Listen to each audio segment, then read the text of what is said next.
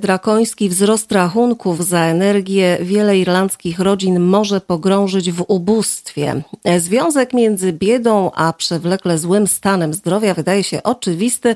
To też eksperci mówią o zagrożeniu dla zdrowia publicznego. Bez natychmiastowej i odpowiedniej reakcji państwa staniemy oko w oko z niespotykanych rozmiarów katastrofą społeczną. Nie dalej jak dwa tygodnie temu należąca do państwa spółka Electric Island znacząco zwiększyła rachunki za prąd i gaz. Jednocześnie w przypływie szczerości firma przyznała, że podwyżka zasmuci wielu obywateli i by wesprzeć tych najuboższych klientów utworzono specjalny fundusz w wysokości 3 milionów euro. To bardzo miły gest, jednak niewystarczający, albowiem wydającej się przewidzieć przyszłości nie kilka, a setki tysięcy rodzin będą potrzebowały pomocy finansowej od państwa.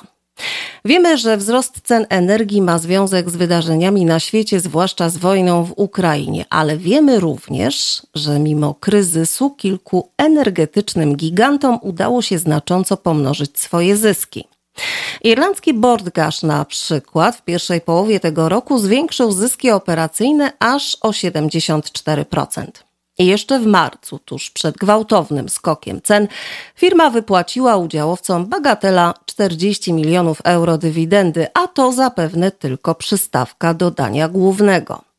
Na rynku hurtowym rosną też ceny energii wiatrowej, której przecież nie sprowadzamy z Rosji czy Ukrainy. Dwa lata temu regulator ustalił cenę na kwotę 54 euro za megawattogodzinę. Przewiduje się, że od jesieni cena ta wzrośnie prawie siedmiokrotnie do 330 euro.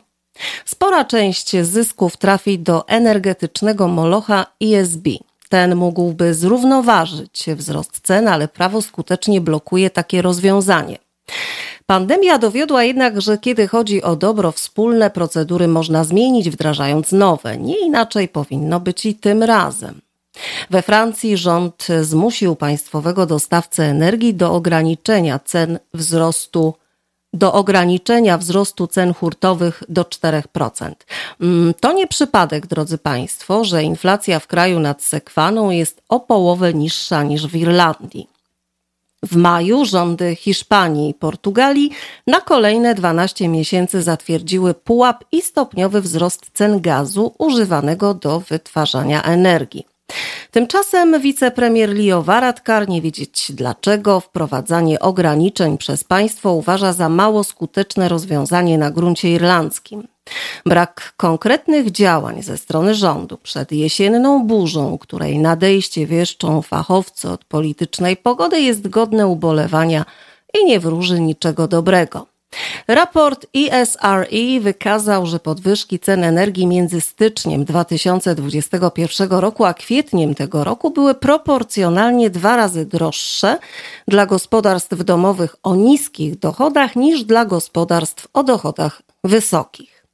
Bezprecedensowy, tak jest, proszę Państwa, to termin często nadużywany w irlandzkiej polityce, ale do tej sytuacji pasuje jak ulał. Według wstępnych szacunków przeciętna rodzina będzie musiała przeznaczyć na rachunki za energię ponad 10% swoich dochodów. Nie dalej jak 6 lat temu 13% irlandzkich rodzin dotknęło ubóstwo energetyczne.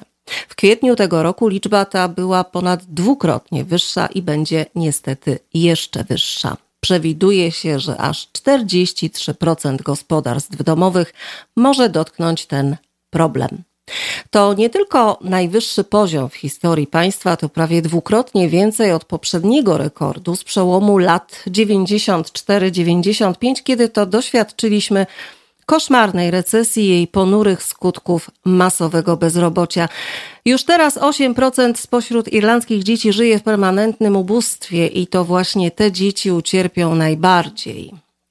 Były premier Wielkiej Brytanii, Gordon Brown, ostrzegał niedawno, że bomba eksploduje w październiku. Skutkami tego wybuchu będą bezdomność dorosłych i jeszcze więcej dzieci pod opieką państwa. Te słowa odnoszą się w równym stopniu do Wielkiej Brytanii i do Irlandii. Jeśli wierzyć prognozom, połowa z nas będzie zirytowana i niezadowolona, a druga połowa co najmniej zdesperowana.